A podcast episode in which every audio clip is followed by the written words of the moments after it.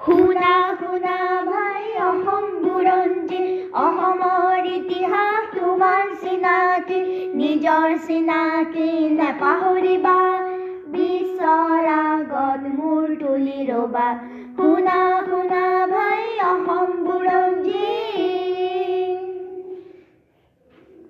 যোৱাবাৰ তাৰ বিষয়ে কৈছিলোঁ অকণমান মনত আছেনে বাৰু যোৱাবাৰ ৰজাজনৰ বিষয়ে কৈছিলে যোনজনে যে নিজৰ ৰাণীকেইজনীক ৰাণী বনাই থাকে অঁ তাৰমানে নিজে ৰজা নহয় তেওঁ দুজনৰ নামত মুদ্ৰাহে শিৱসিংহ তাৰমানে ৰুদ্ৰসিংহৰ ডাঙৰ পুতেক শিৱসিংহ আছিলে তাৰপিছতে যেতিয়া শিৱসিংহৰ মৃত্যু হ'ল তেতিয়া কি হ'ল জানানে?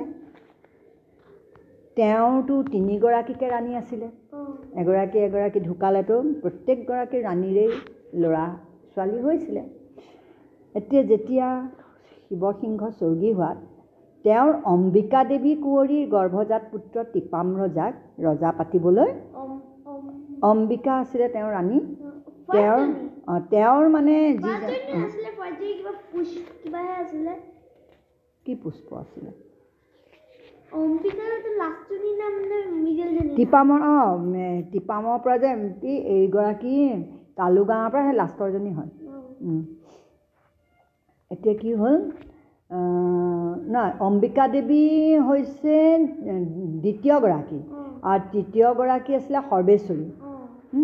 এতিয়া এই দ্বিতীয়গৰাকীৰ তাৰমানে কি হ'ল? গৰ্ভজাত পুত্ৰ টিপাম ৰজা টিপামৰ ৰজা হৈ আছিলে। তেওঁক মানে ৰজা পাতিবলৈ কালুগয়া বৰপাত্ৰ গোহাঁই দিহিঙীয়া বৰগোহাঁই আৰু দিহিঙীয়া নাওবৈচা ফুকনে মনে মনে কি কৰিলে?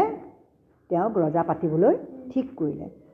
এনেতে পুখুৰী পৰিয়া বুঢ়াগোহাঁই আৰু বকতীয়াল বৰবুঢ়াই মনাহি দি উঠিলে বোলে কি হৈছিলে স্বৰ্গদেউ? ৰুদ্ৰসিংহই কি কৈছিলে? যে মই মোৰ মৃত্যুৰ পিছত মোৰ প্ৰত্যেকজন পুতেক মোৰ ৰজা হ'ব। গতিকে শিৱসিংহৰ পুতেকটো ৰজা হ'ব নোৱাৰে। ভায়েকহে ৰজা হ'ব লাগিব। হয় নহয়? এতিয়া কি হ'ল? এতিয়া তেওঁৰ পুতেকসকলহে ৰজা হ'ব পাৰে সিবিলাকৰ জীৱিত কালত অপৰ ৰজা হ'ব নোৱাৰে। কি কৈছে? যে যেতিয়ালৈকে ভায়েকসকল জীয়াই থাকে তেতিয়ালৈকে মানে এই ৰজাৰ পুতেক ৰজা হ'ব নোৱাৰিব। তেতিয়া এই বাদ বিসংবাদৰ ফলত মদাম্বিকা বা অম্বিকা দেৱীৰ পুত্ৰ টিপাম ৰজা আহোম ৰাজপাতত উঠিব নোৱাৰিলে। আৰু স্বৰ্গদেউ শিৱসিংহৰ পিছত ৰজাৰ পুতেক ৰজা হ'ব নোৱাৰাত মহাৰাজা ৰুদ্ৰসিংহ স্বৰ্গদেৱৰ পূৰ্বৰ আদেশ অনুসৰি ৰজাৰ ভায়েক প্ৰমত্ত সিংহহে ৰজা হ'ল। তেওঁ সোতৰশ চৌৰা চৌৰাল্লিছ খ্ৰীষ্টাব্দত শিঙৰি ঘৰ উঠি আহোম প্ৰথামতে চুনেনফা নাম লয় আৰু স্বৰ্গদেউ প্ৰমত্ত সিংহৰ ৰাজত্বত দিহিঙীয়া সোণাই বৰগোহাঁই পুখুৰী পৰিয়া খামপেং বুঢ়াগোহাঁই আৰু কা কালুগয়া মৃত্যুঞ্জয় বৰপাত্ৰ গোহাঁই আছিলে। এই তিনিজন আছিলে। পিছে ৰাজদ্ৰোহৰ অপৰাধত কেলৈ তেওঁলোকে যে তেওঁৰ পুতেকক ৰজা পাতিব বিচাৰিছিলে নহয়? সেই অপৰাধত কি কৰিলে? দিহিঙা বৰগোহাঁইক ভাঙি লাই থেপেনা বৰগোহাঁইৰ পুতেক খামচং গোহাঁইক বৰগোহাঁই আৰু কল কালুগয়া বৰপাত্ৰক ভাঙি কেন্দুগুৰীয়া বৰপাত্ৰৰ পুতেকক বৰপাত্ৰ গোহাঁই পতা হয়। এতিয়া এইজনা ৰজাৰ নামটো কি আছিল তেনেহ'লে? কি হ'ল? প্ৰমত্ত সিংহ। হা? এতিয়া এই প্ৰমত্ত সিংহৰ দিনতনো কি কি কাম হৈছিলে? হয়নে? তেওঁতো নিশ্চয় কিবা কিবি কাম কৰিছিলে হয় নহয়? তেওঁৰ ৰাজত্বকালত কি হৈছিল জানানে?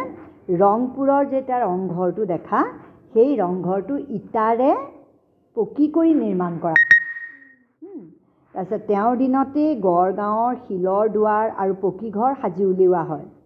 আৰু তেওঁ গুৱাহাটীত ৰুদ্ৰেশ্বৰ আৰু শুক্লেশ্বৰ মন্দিৰো নিৰ্মাণ কৰাইছিলে। এইবোৰ সকলোবোৰ কাৰ দিনত হ'ল? প্ৰমত প্ৰমত্ত সিংহৰ দিনত হ'ল। আৰু সোতৰশ একাৱন্ন খ্ৰীষ্টাব্দত প্ৰমত্ত সিংহৰ মৃত্যু হ'ল। আৰু মৃত্যু হোৱাত এতিয়াতো তেওঁৰ ভায়েকহে হ'ব পাৰিব হয় নহয়?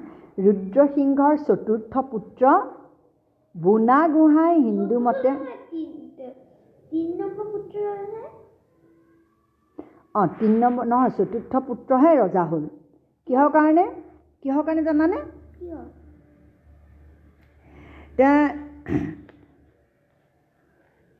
তেওঁৰ মানে কি হ'ল তেওঁৰ যিজন মানে নেক্সট অঁ তিনি নম্বৰজন এই এতিয়া তিনি নম্বৰ দুজন হ'ল তিনি নম্বৰ অঁ তিনি নম্বৰজন কিহৰ কাৰণে নহ'লে এতিয়া? সেইটো আমি জানিব লাগিব নহয় হয় নহয়? তেওঁৰ মানে মুখত আই দাগ আছিলে। মানে বসন্ত ওলালে। বসন্ত মানে? যে আই যে ওলায় নাজানা নেকি? যে সৰু সৰু যে ফুৰা ওলাই যায় সেই তাৰ যদি কি আছিলে? আহোমৰ এটা নীতি আছিল নহয় যে কোনো গাত কোনো ক্ষত থাকিব নালাগিব কোনো দাগ থাকিব নালাগিব। তেওঁ মানে কি হ'ল?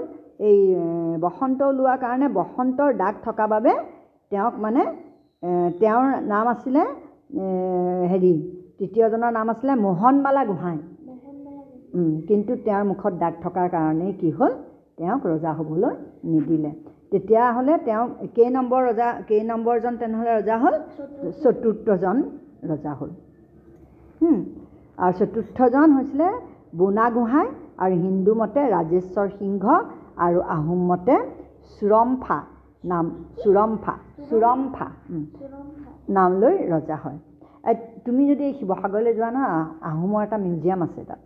আহোম মিউজিয়াম এটা আছে। তাতে গোটেই ৰজাবিলাকৰ হিন্দু মতে কি নাম আৰু আহোম মতে কি নাম সেইবোৰ ধুনীয়াকৈ লিখি থোৱা তুমি গ'লে কেতিয়াবা চাব পাৰিবা। এতিয়া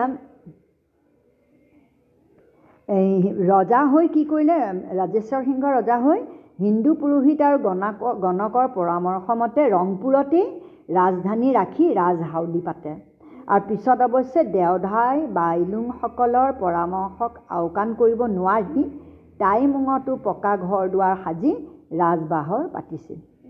ৰাজেশ্বৰ সিংহৰ দিনত মানবিলাকে মণিপুৰ ৰাজ্য আক্ৰমণ কৰে আৰু ৰজা জয়সিংহক খেদাই মণিপুৰৰ একাংশ অধিকাৰ কৰি লয়। মানে মণিপুৰৰ ৰজা জয়সিংহ আছিলে তেওঁক আগতেও পাইছা তুমি জয়সিংহৰ কথা। ৰজা জয়সিংহই তেতিয়া কি কৰিলে? ৰাজ্যৰ হেৰুৱা অংশ উদ্ধাৰৰ বাবে ইংৰাজৰ ওচৰত সহায় বিচাৰিলে। অঁ এতিয়া ইংৰাজ আহিব। না কিন্তু ইংৰাজ অহা নাই এতিয়ালৈকে। ইংৰাজৰ ওচৰত মণিপুৰৰ ৰজাই মানে সহায় বিচাৰিলে। কিন্তু সেই সময়ত মানৰ লগত সংঘৰ্ষত লিপ্ত হ'বলৈ ইংৰাজসকলৰ ইচ্ছা নথকাত তেওঁলোকৰ পৰা জয়সিংহই কোনো সহায় নাপালে। তেতিয়া জয়সিংহই কি কৰিলে? কছাৰী ৰজা সন্ধিকাৰীৰ সৈতে আহি আহোম স্বৰ্গদেউ ৰাজেশ্বৰ সিংহৰ ওচৰত সহায় প্ৰাৰ্থনা কৰিলে। ৰাজেশ্বৰ সিংহয়ো ততালিকে সন্মতি জনাই হৰনাথ ভিতৰুৱাল ফুকনৰ সেনাপতিত্বত চল্লিছ হাজাৰ সৈন্যৰ এটা ফৌজ মণিপুৰলৈ পঠালে। কিন্তু অনতিপলমে মণিপুৰ পোৱাৰ আশাৰে চৰাইদেউ পাহাৰৰ মাজেৰে পোনাই যাওঁতে মানে শ্বৰ্টকাটত গৈছিলে ভবাতকৈ বেছি দিনহে পাৰ হ'ল। মানুহ যদি সদায় সদায় যোৱা ঠাইদি নগৈ বেলেগ ঠাইদি আচলতে যাব নালাগে সেইকাৰণে এতিয়া বেছি দিন লাগিলে সেই অঞ্চলত বাস কৰা নগাসকলৰ আক্ৰমণ অতিক্ৰম কৰি অতব্য হাবিৰ মাজেদি বাট পথ উলিয়াই আগবাঢ়ি যাওঁতে কি হ'ল? নৰিয়াত পৰিল বেমাৰ পৰিলে কোনোবাই।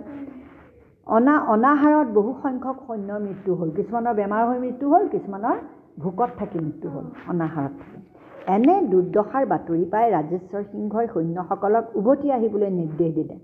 বুৰঞ্জীত এইখনকে লতা কটা ৰণ বুলি কোৱা হয়। লতা কটা ৰণ বুৰঞ্জীত আছে। এইটো মানে সিহঁতি যে হাবি কাটি কাটি গৈছিলে সেইকাৰণে লতা কটা ৰণ।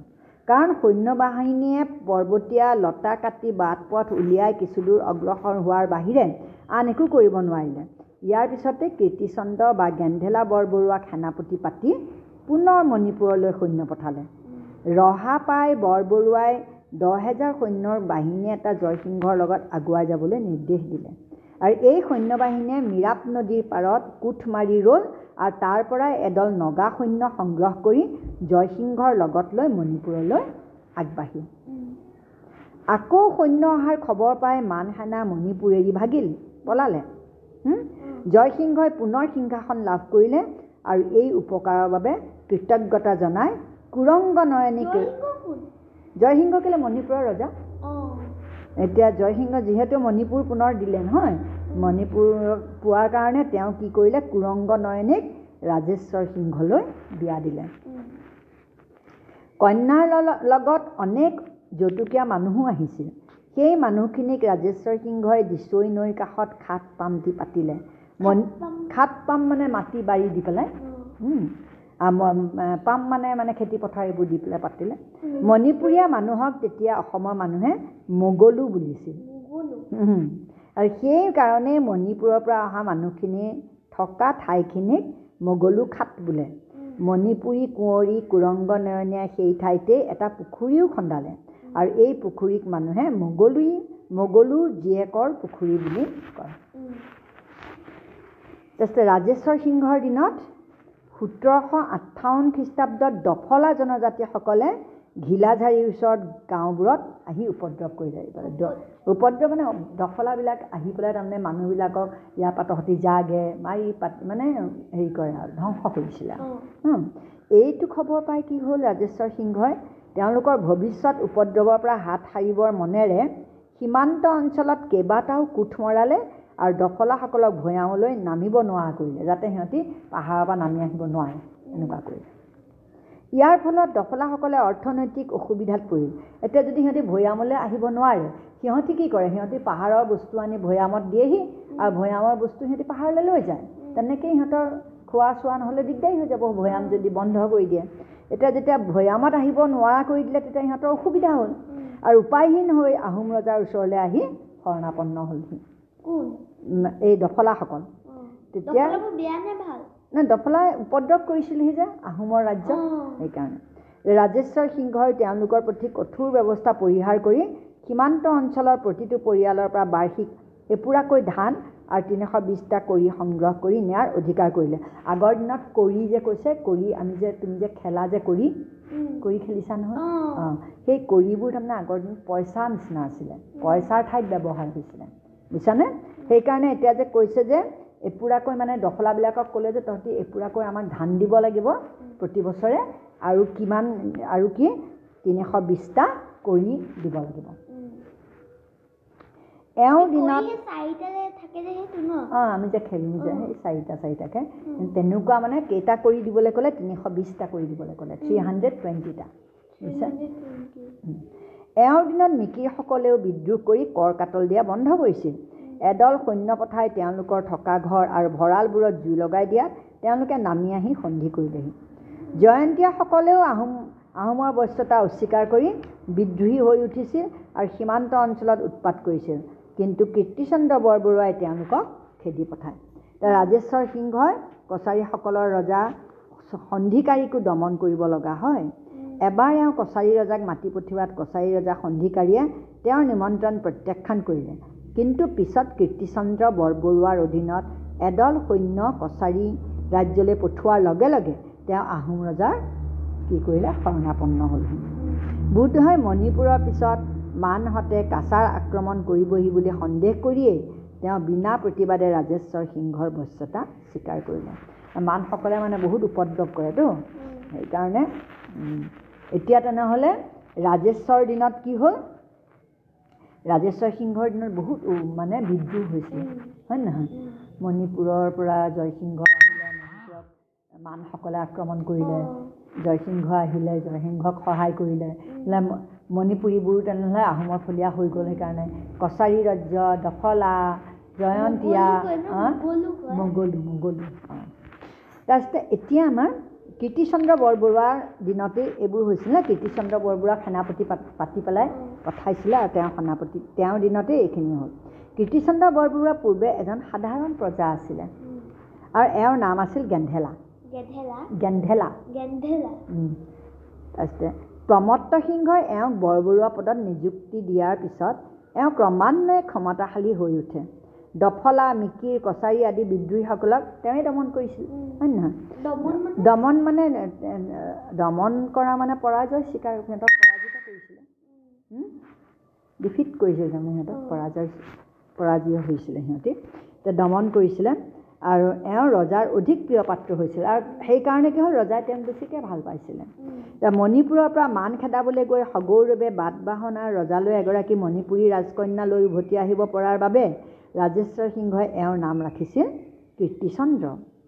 আৰু পিছলৈ কীৰ্তিচন্দ্ৰ ইমান ক্ষমতাশালী হৈ পৰিছিল যে তেওঁৰ আৱশ্যক হ'লে প্ৰধান তিনিজনা গোহাঁইকো ওলাই কৰিবলৈ তেওঁ দ্বিধাবোধ নকৰিছিল।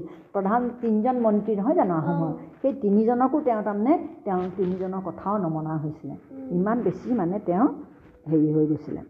মানে ৰজাই মৰম কৰিছিল যে ৰজাইও ৰাজ্য শাসনৰ ভাৰ তেওঁৰ ওপৰতে এৰি দিছিলে।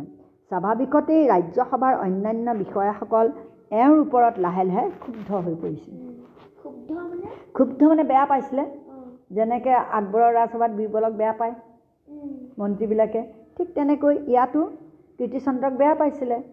আৰু কীৰ্তিচন্দ্ৰইও আচলতে বহুত মানে হেৰি কৰিছিলে আৰু যে মই মতালি আৰু মানে ময়ে ডাঙৰ আৰু মই তহঁতৰ কথা নামানো এনেকুৱা হৈ গৈছিলতো তাৰপিছত কি হ'ল নুমলী বৰগোহাঁয়ে এওঁক বংশ পৰিচয়হীন জলম্বতাৰ ঘৰৰ বুলি বৰ্ণনা কৰি চকৰি পেটী নামৰ এখন বুৰঞ্জী লিখি উলিয়াইছিলে।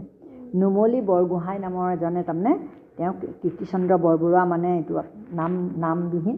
তেওঁৰ কোনো মানে নাম মানে তেওঁৰ কোনো বংশ পৰিচয় একো নাই বুলি কৈছিলে। একো নাই বুলি কৈ তেওঁক জলম্বতাৰ ঘৰৰ বুলি কৈ এখন জলম্বতা এটা মানে এইটো আমাৰ মানে অনাথবিলাকক মানে কোৱা নিচিনা। ঘৰৰ বুলি বৰ্ণনা কৰি কি হ'ল? চকৰি ফেটি নামৰ এখন বুৰঞ্জী লিখিছিলে। কীৰ্তিচন্দ্ৰই এই কথাত অপমানিত হ'ল যে তেওঁৰ কথা বেয়াকৈ লিখিছে চকৰি ফেটি বুৰঞ্জীত। তেনে কথা থকা সকলোবোৰ বুৰঞ্জী পুথি দাহ কৰিবলৈ মনস্থ কৰি ৰাজেশ্বৰ সিংহক কৈ দেশৰ সকলোবোৰ পুথি সংগ্ৰহ কৰালে। যিমানবোৰ তেনেকুৱা ধৰণৰ পুথি আছিলে। তেওঁৰ নাম নাথাকিলেও সকলো ধৰণৰ পুথি সংগ্ৰহ কৰালে কৰাই পেলাই তেওঁ নিজে চালি জাৰি চাই যিবোৰত বিষম কথাৰ উল্লেখ পালে সেইবোৰ পুৰি পেলালে। আৰু তেনে পুথি ৰখা লোকসকলকো যথোপযুক্ত শাস্তি বিধান কৰিলে। আৰু যিবোৰ বুৰঞ্জীত ধৰ্তব্য কথা নাছিল সেইবোৰ নুপুৰি গৰাকীক উভতাই দিলে। যিবোৰত মানে তেওঁৰ বেয়া কথা একো নাছিলে সেইবোৰ উভতাই দিলে। কীৰ্তিচন্দ্ৰৰ এই বুৰঞ্জী দাহ কাৰ্য তেওঁৰ চৰিত্ৰৰ এটা মচিব নোৱাৰা কলংক হৈ ৰ'ল। কাৰণ তেওঁ যে পুৰি পেলালে না বহুত কথা মানুহৰ নাইকিয়া হৈ গ'ল নহয় মানুহে নজনা হৈ গ'ল। ইয়াৰ ফলত বহুতো লোকেই তেওঁৰ শত্ৰু হৈ পৰিছিল। আনকি তেওঁক প্ৰাণে মাৰিবলৈকো কোনো কোনো লোক আগবাঢ়ি আহিছিল।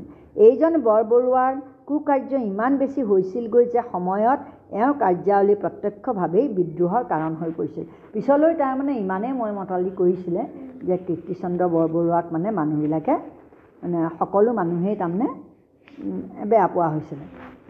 তাৰমানে তেওঁ মানে তেওঁ নাথাকিলেই ভাল এনেকুৱা বুলি ভাবিছিলে। তাৰপিছতে আহিলে মোহনমালা গোহাঁইৰ বিদ্ৰোহ। মোহনমালা গোহাঁই বিদ্ৰোহ কোনজন? অঁ। বসন্ত ওলোৱাৰ কাৰণে যে হেৰি কৰিব নোৱাৰিলে তেওঁ এতিয়া ৰাজ সিংহাসনৰ পৰা তেওঁ বঞ্চিত হৈ গ'ল। তেওঁ সেইকাৰণে কি হ'লে তেওঁৰ সমৰ্থক যিসকল তেওঁৰ সমৰ্থক আছিলে সমৰ্থন কৰিছিলে তাৰমানে তেওঁৰ ফলীয়া আছিলে। বিষয়াবৰ্গৰ লগ হৈ ৰাজেশ্বৰ সিংহৰ বিপক্ষে দল সংগঠন কৰি ফুৰিছিল। তেওঁ পূৰ্বৰে পৰা অসন্তুষ্ট হৈ থকা মোৱামৰীয়া মহন্তৰো সমৰ্থন আদায় কৰিছিল আৰু ৰজা হ'ব পাৰিলে মোৱামৰীয়া মহন্তক সকলো মহন্তৰ ওপৰত স্থান দিবলৈ প্ৰতিশ্ৰুতি দিছিলে। মোৱামৰীয়া মহন্তই সেই সুযোগতে নিজৰ স্বাৰ্থ সিদ্ধি কৰি পূৰ্বে ফুলেশ্বৰী কুঁৱৰীৰ দিনত পোৱা অপমানৰ পুতক তুলি আহোম ৰজাক সিংহাসনচ্যুত কৰাৰ মনেৰে মোহনমালাক সমৰ্থন কৰিলে। এই সুবিধা বুজি মোৱামৰীয়া মহন্তই ততালিকে নিজৰ শক্তিৰ উমান ল'বৰ কাৰণে যোৰহাটৰ ওচৰৰ মালৌ পথাৰলৈ সকলো শিষ্যকে মতাই প্ৰত্যেকৰে দ্বাৰাই এচপৰাকৈ মাটি পেলোৱাই এটা প্ৰকাণ্ড ভেটি বন্ধালে। ভেটি মানে? ভেটি মানে ওখ পাহাৰৰ নিচিনা কৰি দিলে ভেটি। তেতিয়াৰ পৰাই এইটো বৰ ভেটি নামে জনাজাত হ'ল। এই ভেটিৰ আয়তন অনুমান কৰি মোৱামৰীয়া মহন্তই আৱশ্যক হ'লে প্ৰায় আঠ লাখ আঠ লাখ শিষ্য একে সময়তে গোটাব পাৰিব বুলি সিদ্ধান্ত কৰিব পাৰিলে। এয়া আছিল মোহনমালাৰ বিদ্ৰোহৰ গইনা লৈ মোৱামৰীয়াসকলে আহোম ৰজাৰ বিৰুদ্ধে ভৱিষ্যতে বিদ্ৰোহ কৰি উঠাৰ আখৰা মাথো মানে ৰিহাৰ্চেল কৰিলে সিহঁতি যে আমি আহোমক পুতক তুলিব লাগিব। মোৱামৰীয়া মোৱামৰীয়াবিলাকে মানে ভাবিলে যে আমি আহোমৰ বিৰুদ্ধে মানে যুদ্ধ কৰিব লাগিব। অজস্ৰ সম্পত্তি আৰু হাজাৰ হাজাৰ শিষ্যৰ গৰাকী মোৱামৰীয়া মহন্তৰ এনে বিদ্ৰোহী মনোভাৱৰ খবৰ পাই ৰাজেশ্বৰ সিংহই অনতিবিলম্বে সমান ক্ষমতা আৰু একে আদৰ্শৰে দিহিং সত্ৰৰ ক্ষুদ্ৰৰ মহন্তক ৰজাঘৰীয়া বিষয়বাব দি মোৱামৰীয়াৰ প্ৰতিদ্বন্দ্বী কৰি তুলিলে। আৰু কীৰ্তিচন্দ্ৰ বৰবৰুৱাইও দিহিঙৰ মহন্তৰ ওচৰত শৰণ লৈ তেওঁক আৰু অধিক প্ৰভাৱশালী কৰি তুলিলে। ইয়াৰ ফলত মোৱামৰীয়া মহন্ত ক্ষুব্ধ হৈ ভৱিষ্যতে এক বিদ্ৰোহৰ যোজা কৰিবলৈ ধৰিলে। সোতৰশ ঊনাশী খ্ৰীষ্টা কি সোতৰশ ঊনসত্তৰ খ্ৰীষ্টাব্দত ৰাজ্যৰ এনে পৰিস্থিতিত ৰাজ ৰাজেশ্বৰ সিংহৰ কি হ'ল? মৃত্যু হ'ল। তেওঁ পৰ্বতীয়া গোসাঁই বা কৃষ্ণৰাম ভট্টাচাৰ্যৰ পৰিয়ালৰ ন গোসাঁই শিষ্য আছিল আৰু বহুতো ব্ৰাহ্মণক মাতৃবৃত্তি দান কৰিছিল। এওঁ গুৱাহাটীৰ বশিষ্ঠাশ্ৰম বশিষ্ঠাশ্ৰমৰ কথা চবেই জানা। মণিকৰ্ণেশ্বৰ চিত্ৰাচল আদি ঠাইত দেৱালয় নিৰ্মাণ কৰিছিল। দেৱালয়? মানে মন্দিৰ। এওঁ ডেৰগাঁৱৰ ওচৰৰ পুৰণি শিৱ মন্দিৰটো ব্ৰহ্মপুত্ৰই খহাই নিয়াত তাত নতুনকৈ দৌল এটা নিৰ্মাণ কৰায়। এওঁৰ দিনত শাক্তপন্থাই অধিক গা কৰি উঠিছিল ফলত বিভিন্ন ধৰ্ম সম্প্ৰদায়বিলাকৰ মাজত মতানৈক্যৰ সৃষ্টি হৈছিল। এওঁৰ দিনতো আগৰজন ৰজায়ো যেনেকৈ শিৱদৌল আদি নিৰ্মাণ কৰাইছিলে নহয় ঠিক তেনেকৈ এওঁ মানে শাক্ত ধৰ্মত বেছি বিশ্বাসী আছিলে। ৰাজেশ্বৰ সিংহ এজন শিক্ষিত ব্যক্তি আছিল। আৰু কৃষক বধ নামৰ এখন নাটক ৰচনা কৰি কবি চূড়ামণি উপাধি লাভ কৰিছিলে। ৰাজেশ্বৰ সিংহৰ ৰাজত্বকাল দীৰ্ঘদিনীয়া আহোম শাসনকালত অতি গুৰুত্বপূৰ্ণ সময় আছিল। প্ৰকৃত কথাত ক'বলৈ গ'লে এইজন ৰজাৰ দিনৰ পৰাই আহোম ৰাজ্যৰ পতনৰ বুৰঞ্জী আৰম্ভ হয়। পতন মানে নাশ। কাৰণ মোৱামৰীয়া মোৱামৰীয়াবিলাক বিদ্ৰোহী হৈ পৰিছিলে। হয় নহয়? চাৰিওফালে বিদ্ৰোহ হৈছিলে মণিপুৰ মণিপুৰ নহয় এইবোৰ কছাৰী জয়ন্তীয়ে এইবিলাকেও বিদ্ৰোহ কৰিছিল নহয় পিছত বাৰু ভাল হ'লগৈ। তাৰপিছত এওঁৰ দিনত কীৰ্তিচন্দ্ৰ বৰবৰুৱা বহুত প্ৰভাৱশালী হৈ পৰিলে। আৰু তাৰ অত্যাচাৰত আৰু তেওঁৰ অত্যাচাৰত বিষয়াসকলে প্ৰত্যক্ষভাৱে ৰজাৰ আদেশ অমান্য কৰিছিল। আনকি মণিপুৰৰ যুদ্ধলৈ দায়িত্ব দি পঠাব পৰা বিষয়া এজন পাবলৈকো তেওঁৰ বৰ কষ্ট হৈছিল। ৰাজ্যৰ ভিতৰত তাৰমানে তেওঁৰ তলত আমি যুদ্ধ নকৰোঁ এনেকৈ ক'লে। ৰাজ্যৰ ভিতৰত বংশ পৰিয়াল মন্ত্ৰী বিষয়া আৰু প্ৰজাসকলো বিদ্ৰোহী হৈ উঠিছিল আৰু প্ৰায়বোৰ জনজাতিয়ে আহোম ৰজাক ওলাই কৰি সীমাৰ কাষৰ তেওঁৰ প্ৰজাৰ ওপৰত অত্যাচাৰ চলাইছিল। আৰু ৰাজেশ্বৰ সিংহৰ দিনত ৰোপণ হোৱা বিদ্ৰোহৰ বীজ তেওঁৰ উত্তৰাধিকাৰীসকলৰ দিনত গজি উঠিছিল আৰু প্ৰায় অৰ্ধ শতিকাৰ ভিতৰত ছশ বছৰ ধৰি ৰাজত্ব কৰা আহোম ৰাজবংশও কি হৈছিল? লোপ পাইছিলে। ইয়াৰ পিছত কেনেকৈ আৰু কি কি বিদ্ৰোহ হৈ পেলাই লোপ পাইছিলে? এইখিনি কথা আমি আকৌ অহাবাৰকৈ হা? এইখিনি তুমি এটা গম পালা যে এতিয়া আমাৰ কেনেকৈ ইয়াৰ পিছতে আহোমৰ লাহে লাহে নাশ হোৱাৰ মানে তেনেহ'লে আমি এতিয়া কি ক'ম? শুনা শুনা ভাই অসম বুৰঞ্জী অসমৰ ইতিহাস তোমাৰ চিনাকি নিজৰ চিনাকি নেপাহৰিবা। বিশ্বৰ আগত মূৰ তুলি ৰ'বা শুনা শুনা ভাই অসম বুৰঞ্জী আমাৰ চেনেলটো ফ'ল' কৰি দিব ভিডিঅ'বোৰ লাইক কৰি দিব আৰু শ্বেয়াৰ কৰি দিব।